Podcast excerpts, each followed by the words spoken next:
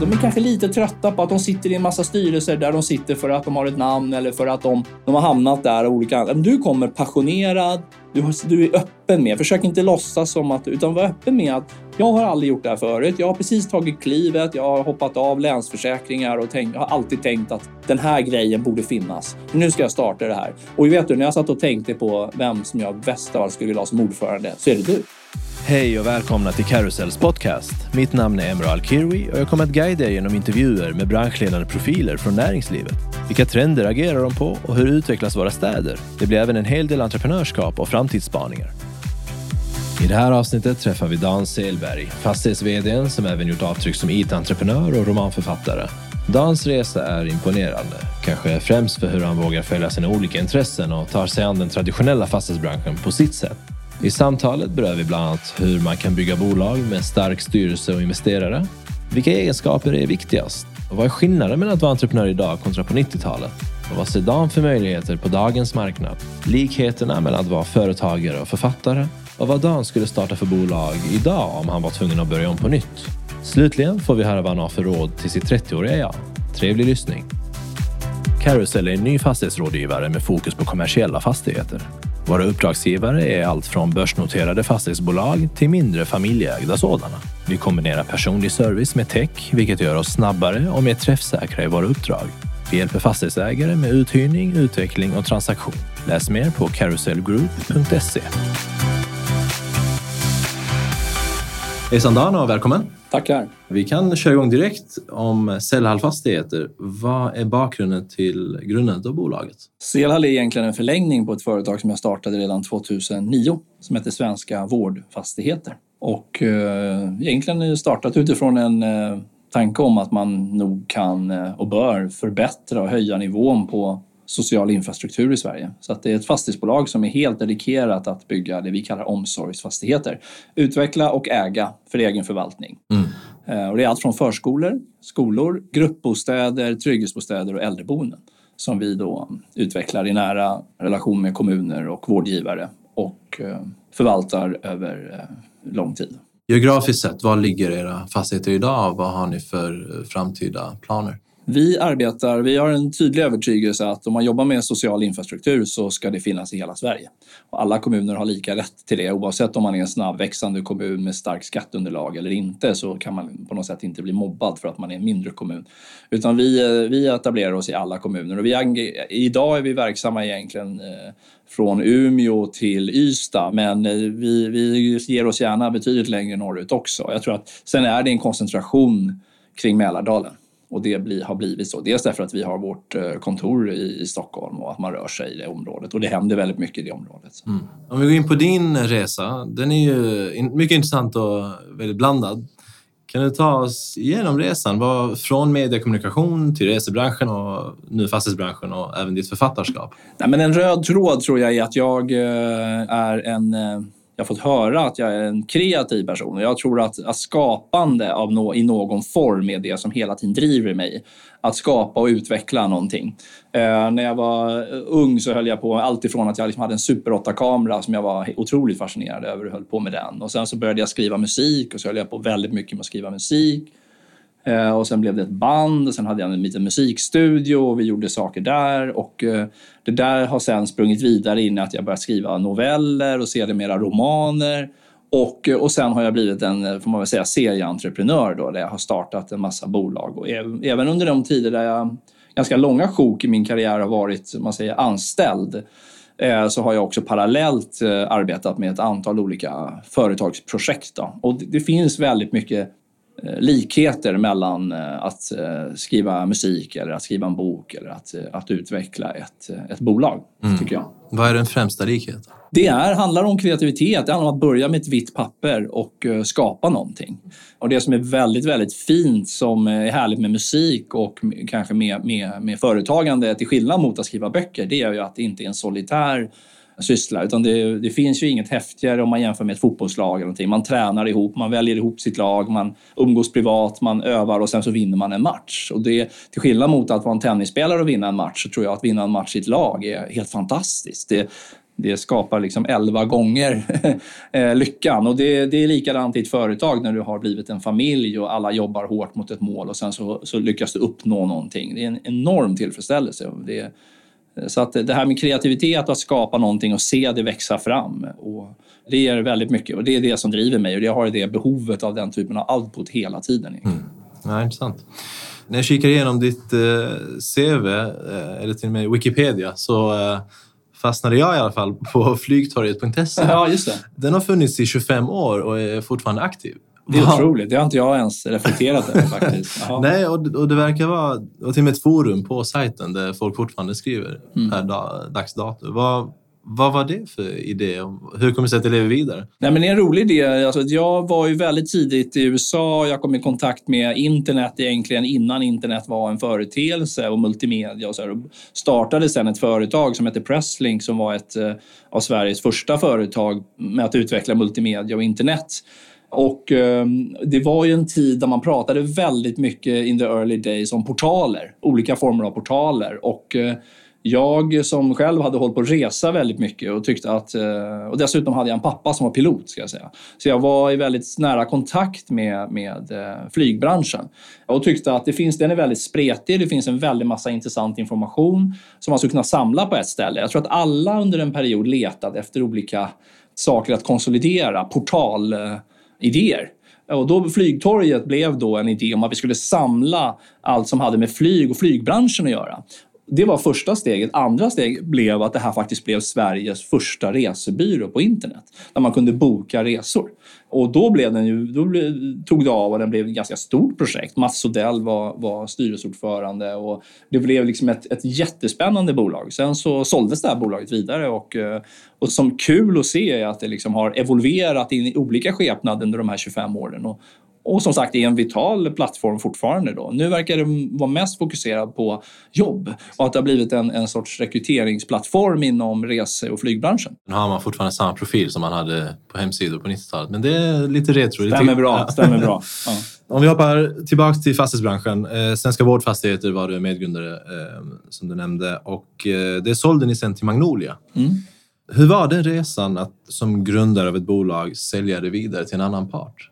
Det där är väldigt, väldigt speciellt. Det tycker jag, det är som, eh, man ska inte dra en parallell med att man säljer sitt barn, för det låter ju läskigt. Men, men det är att du, jag kan tänka mig, kanske om man är en... Eh, för det är skillnad om man skriver en bok och ger ut så har man ju på något sätt kvar boken. Men om du målar en tavla och säljer den tavlan sen som konstnär så är liksom, då hänger ju den hemma hos någon annan.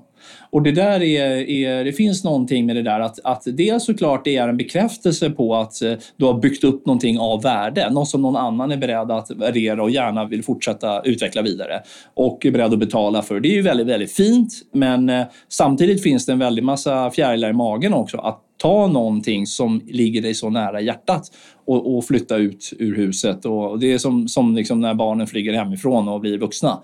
Svenska Vårdfastigheter var ett snabbväxande företag som var väldigt fokuserat på att, att, att bygga äldreboenden och vi hade, man kan ta samma känsla som jag försöker beskriva, den såg vi i mikroform hela tiden i bolaget. Det vill säga varje gång vi utvecklade ett vårdboende så ville vi behålla det. För man blir lite huskramare. Men vi hade inte en balansräkning och, byggt upp liksom en finansiell ryggrad för att kunna behålla de tillgångar vi utvecklade. Utan, och det där är skillnaden med Selhall som bygger allting för egen förvaltning. Men Svenska Vårdfastigheter avyttrade de här och då kände vi ett behov av att nej, men vi vill ha en annan, helt andra finansiella muskler. Vi började titta på om vi skulle notera bolaget.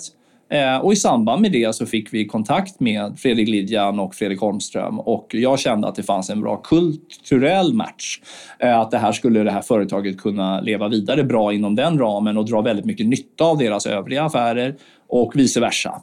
Så att det kändes som en industriell logik och det kändes som en kulturell fit. Så att då tog vi beslutet att istället för att kanske börsnotera Svenska Vårdfastigheter så gjorde vi en, en industriell affär och sålde bolaget. Då. Och det är förknippat med liksom med glädje och sorg. Alltså att, att eh, i och med att det här skapandet och att vi var på en resa som vi väl alla kände och det insåg vi kanske inte förrän vi hade sålt företaget att den resan var liksom inte klar. Jag kommer fortfarande ihåg den, eh, den bolagsstämman när vi sålde Svenska Vårdfastigheter. det, det, liksom rent monetärt så var väl alla nöjda men det, det var inte någon sån här hallelujastämning på den här bolagsstämman utan snarare så var den lite sådär, ja, nu har vi gjort det här och alla stod bakom affären. Men, men det var liksom, ja, men lite tråkigt att, att skiljas åt och att den här affären nu är ett avslutat kapitel. Vi var på en resa som jag tror alla kände att vi ville fortsätta och det är precis det vi gör nu med Selhall. Det är ju på något sätt svenska vårdfastigheter i ny skepnad och en lite större större fokus och ett lite större omtag. Men jag kan säga bara väldigt många av medarbetarna och framför allt av ägarna så är ju i princip alla med. Mm. Även på den här. Så det känns som att vi liksom har, har växlat upp och fortsätter resan. Just det.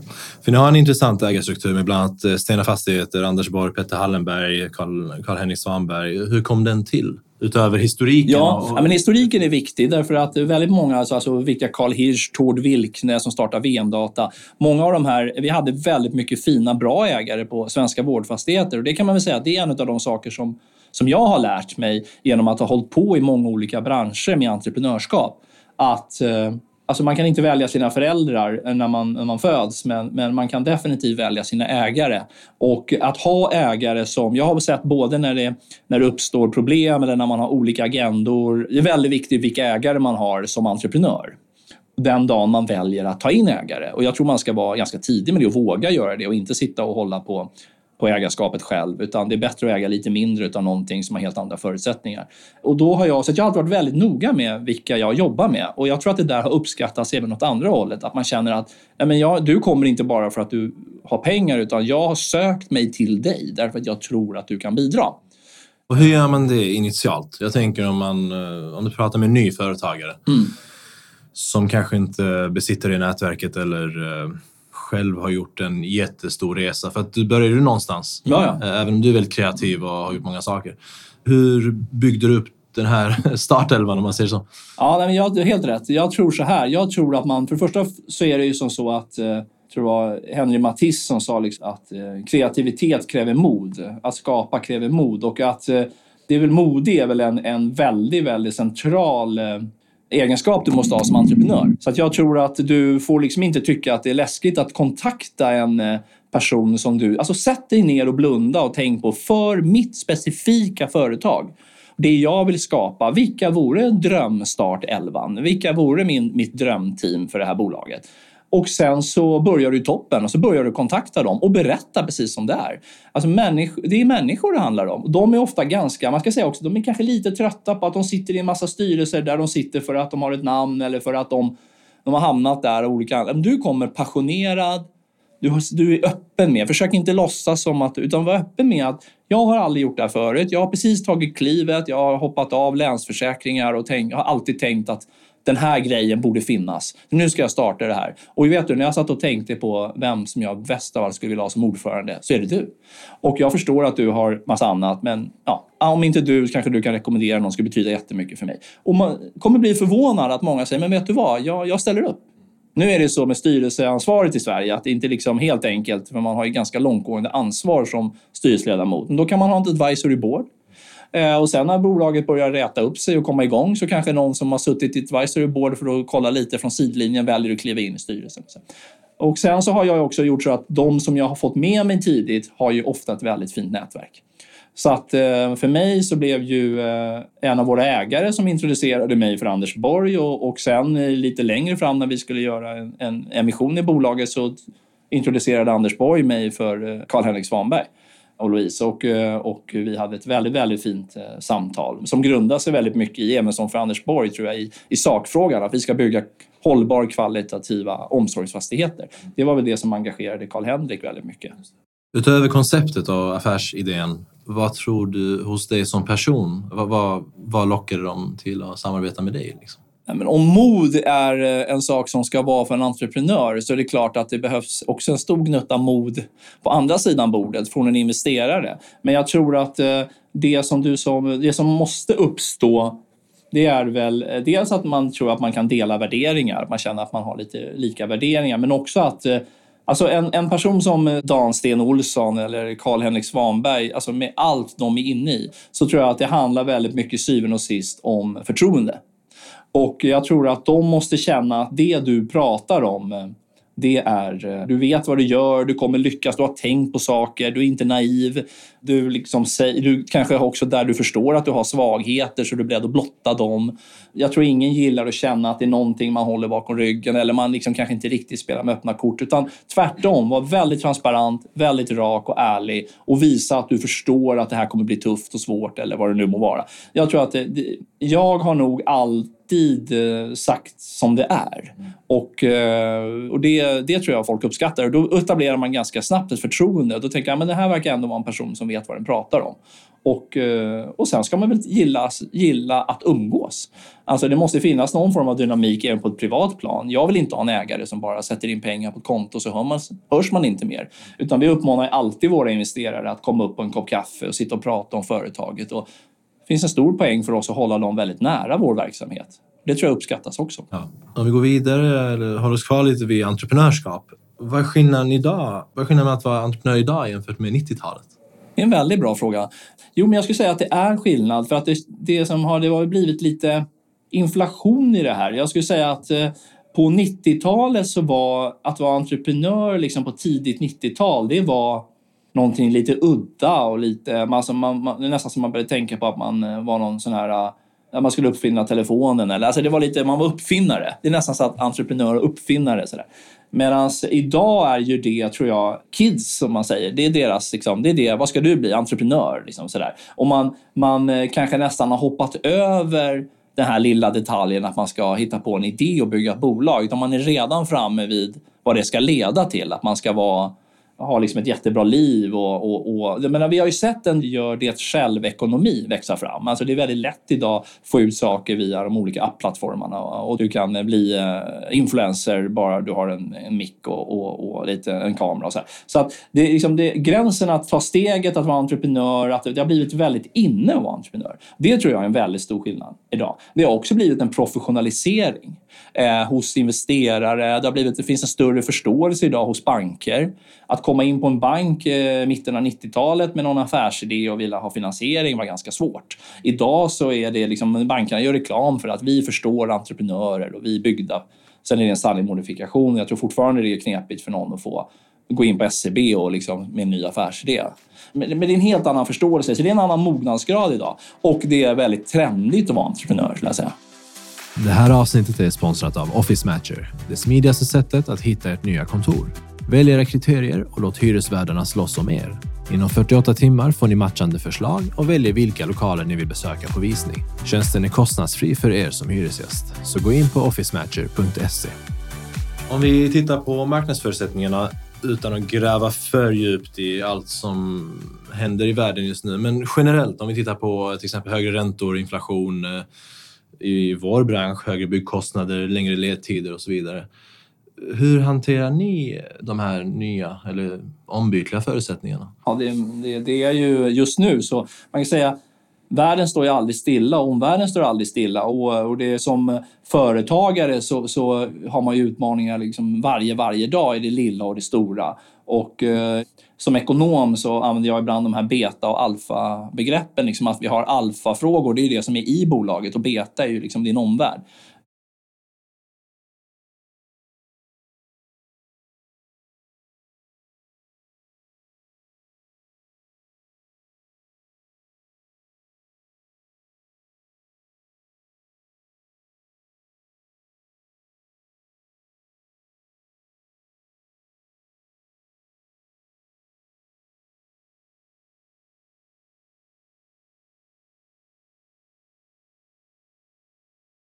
Nästa slag får du spela från ruffen och då får du liksom applicera och vara beredd och ha med dig rätt klubbor och liksom kunna hantera den situationen. Och den vi har nu, så att säga, för Selhals del så är ju vår alfa oerhört stark. Jag skulle säga att den har aldrig varit så stark. Vi har en fantastisk portfölj med, med projekt och eh, jättebra eh, team med medarbetare och, och oerhört eh, bra fundamenta.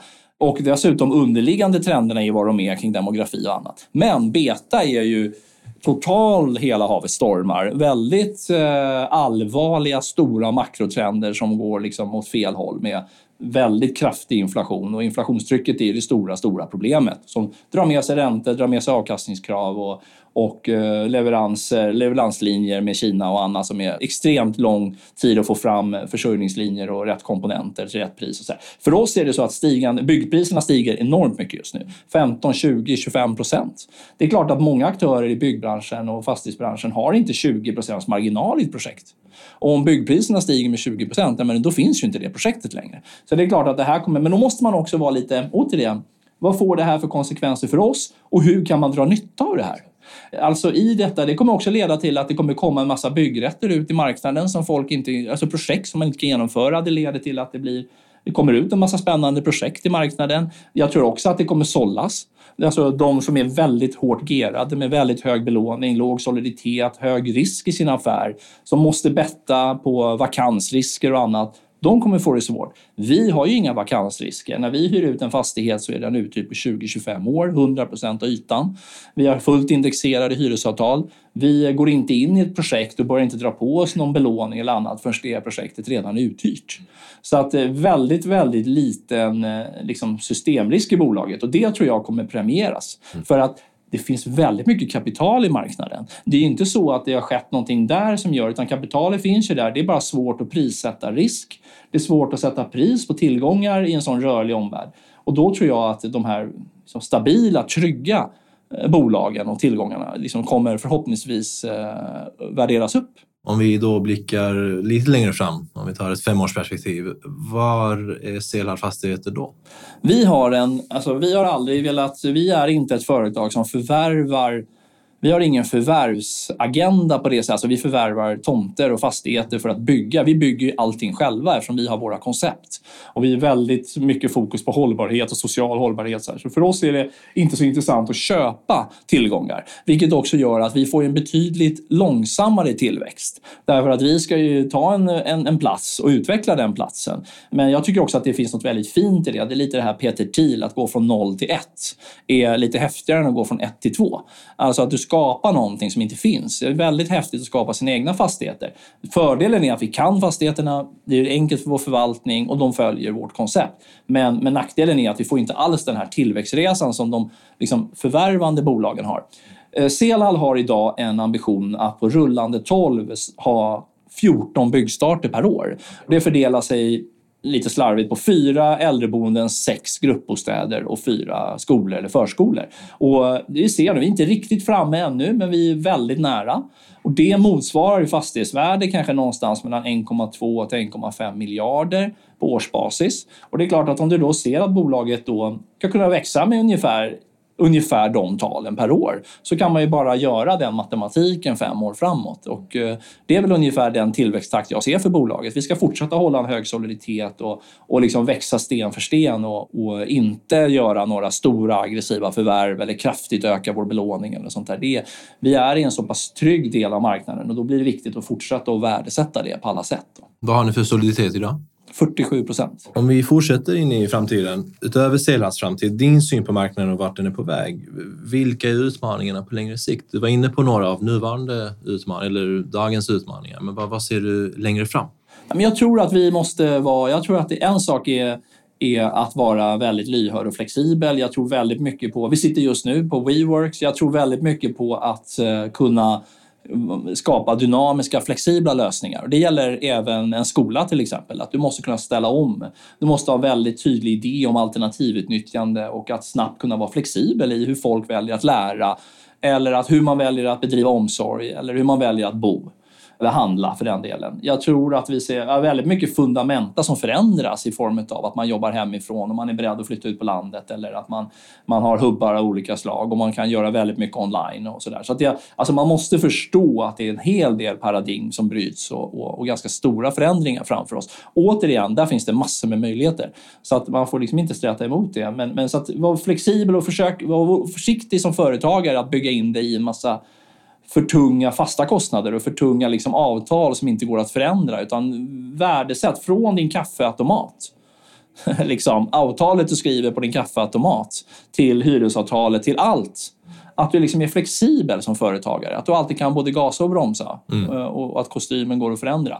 Det tror jag är en, en viktig och jag tror att det har aldrig varit mer sant än nu framåt därför att omvärlden förändras väldigt, väldigt fort och, och liksom ekonomierna knyts ihop och vi har en globalisering som ändrar väldigt mycket. Så att, sen, är det, sen kan jag säga, om vi liksom är lite mer filosofiska så är det klart att jag är väldigt oroad över en rad saker. Att vi har, liksom, det är bara 14 procent, 13 procent av världens befolkning lever i en, i en riktig fri demokrati på det sätt som vi menar med demokrati i Sverige. 13 procent. Vi tror ofta att det är den härskande formen och att, att liksom diktatur och annat är, är, liksom, det är någon, någonting Nordkorea. Men jag menar, det är ju så, återigen, det är bara 13 procent i världen som är fria eh, demokratier. Och det är mycket som händer som, är, som liksom går åt fel håll med en, att vi liksom går emot globalisering, vi går emot öppenhet, vi går emot det liberala tänkandet. Utan det blir väldigt nationalistiskt och protektionistiskt. Och, och det tror jag är, utifrån som företagare, är det jättedåligt. Som människa är det jättedåligt.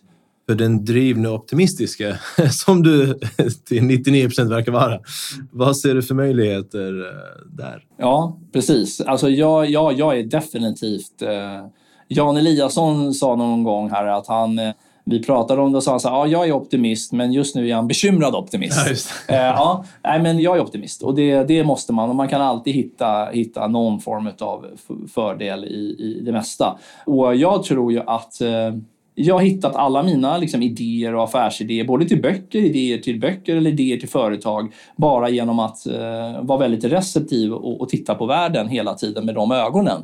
Och jag tror att så, alltså är man det, är man intresserad och, och vill så hittar man möjligheter hela tiden. En dag, om man läser tidningen på morgonen så finns det, så vågar jag säga att om du lyfter upp Dagens Industri eller Dagens Nyheter idag så finns det kanske 20-30 affärsidéer där som döljer sig mellan raderna. Och eh, du måste ha förmågan och modet att våga ta klivet och, och inte inte bara gå från att sitta och säga till kompisarna, någon borde. Utan, nej men jag gör det här nu. Och det, det tror jag kommer vara, det var sant för hundra år sedan och det kommer vara sant om hundra år också. Så att det finns för en optimist och en person som vågar så finns det en enormt mycket möjligheter. Och återigen, ekosystemet för entreprenörskap har aldrig varit bättre än vad det är nu. Om du inte hade varit vd för Selhall eh, Fastigheter, vad, vad skulle du gjort istället tror du? Det är också väldigt intressant. Men jag, återigen, när jag tittar tillbaka på min historia så finns det så mycket olika spår som det hade kunnat blivit. Jag hade kunnat vara liksom Shaolin-munk eller jag hade kunnat vara heltidsförfattare eller jag hade kunnat vara liksom, haft en musikstudio och suttit och skrivit filmmusik. Så att det, det har varit en väldig massa olika möjliga spår och sen har slumpen tagit mig dit jag är idag. Jag tror att om jag inte var vd på Sela så hade jag varit entreprenör i, i, och liksom drivit och varit delägare i ett annat bolag. Det tror jag hade varit mest troligt. En annan roll som jag tycker väldigt mycket om och som jag har haft i olika tillfällen är lära, lära ut.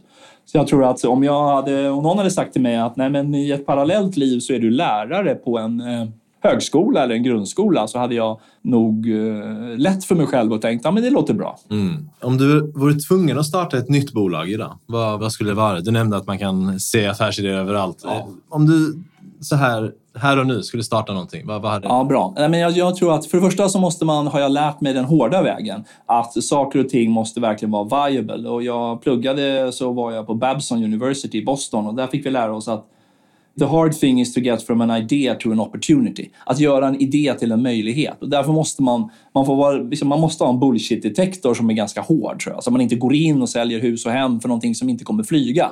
Utan eh, du måste liksom se, jag, om jag tänker nu, så en sak som jag är väldigt intresserad av och tycker är väldigt spännande, det är ju hela proptech-sektorn. Jag tycker det är väldigt intressant för att fastighetsbranschen har ett jättebehov av att eh, förnyas. Och det är en väldigt stor bransch, det finns en fin spännande marknad och jag tror att du kan eh, digitalisera och effektivisera väldigt mycket. Så proptech är någonting som jag är väldigt intresserad av. Jag har investerat i lite proptech eh, ventures som jag tycker är spännande och eh, det tror jag väldigt mycket på. Så det skulle jag nog mycket väl kunna tänka mig att starta någonting inom. Sen tror jag på fastighetsbolag som är nischade, precis som Sven- Selhall och Svenska Vårdfastigheter har varit. Så jag tror att man är tydlig och nischad och har en väldigt, väldigt tydlig affärsidé och så håller man sig till den. Eh, jag tror att en annan affärsidé som jag skulle tycka var kul, det vore att spinna ännu mer på S i ESG, det vill säga den sociala biten och att ta den till att till exempel börja bygga väldigt fina, extremt billiga bostäder. Det är ett projekt som jag gärna skulle engagera mig i. Hur skapar vi Alltså då pratar vi ett, en game changer, alltså helt nytt sätt att bygga bostäder som gör att du kan få fram väldigt bra bostäder till extremt låga hyror. Alltså då tänker jag hyreslägenheter. Det skulle jag vilja vara med i ett sånt projekt. Det skulle vara superkul och, och, och med hållbarhetsaspekter och annat. Mm. Ja, trevligt. Vad har du för råd till 30-åriga Dan? 30-åriga Dan? Ja, men 30-åriga Dan var jag för då. Nej, men eh, ja, att inte vara för splittrad. Om jag tänker på hur 30-åriga Dan var så gjorde jag väldigt, väldigt, väldigt många olika saker. Och det är klart att som ett, eh, ett förstoringsglas, om man säger att solen lyser genom ett stort skyltfönster så blir det inte så varmt. Men lyser den genom ett förstoringsglas så blir det väldigt varmt.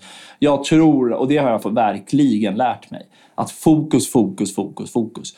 Se istället att det här, alla idéer och allt du kanaliserar, hitta ett sätt att kanalisera det genom fokusera väldigt tydligt. Så det är också något för en entreprenör. Man sa att mod är en viktig sak och, och att vara ärlig och sådär. Men det är också att vara, att vara väldigt, väldigt fokuserad och inte låta bli distraherad av saker och, och dras med i andra projekt. Jag menar, jag var väldigt snabb. Jag fick mycket förfrågningar när jag var 30 på att sitta i olika styrelser på olika startups och sådär. Jag var mycket, föreläste väldigt mycket och så här. tackade gärna ja till saker som man på något sätt tyckte att egot blev struket i rätt riktning eller man ville. sådär. så att det, jag känner att liksom, kurra ihop dig lite mer och fokusera på din grej. Tror jag. Det skulle jag vilja säga till 30-åriga Dan. Just det. Sen beror det såklart på hur man är. Nu var ju du optimist och kanske ja. tackade ja till mycket. Andra är kanske tvärtom och behöver snarare öppna upp för möjligheter. Så är det. Mm. Men det var 30-åriga Dan du ja, ja, exakt, ja. exakt. Eh, har du några slutgiltiga ord som eh, du vill att vi rundar av med? Jag tycker det var jättekul samtal. Jag tycker att det här är saker som man inte så ofta reflekterar över kanske och, och man försöker se en röd tråd i sitt liv och, och eh, så familjen är någonting som jag tycker är väldigt viktigt också. Återigen tillbaks till mod. Det krävs också att din, om du lever i en relation, att din partner eller om du är väldigt ung, dina föräldrar, är beredda att stötta dig. Du måste ha människor omkring dig som stöttar dig om du ska kunna vara entreprenör. Eh, du tar språnget ut från en, en fast lön eller ett eh, studiebidrag eller vad det nu är och, och startar någonting själv. Så är det väldigt, väldigt häftigt. Men det är klart att det finns en överhängande risk att du, att du landar pladask och, och då måste du det finnas folk som håller dig om armarna och skyddar dig.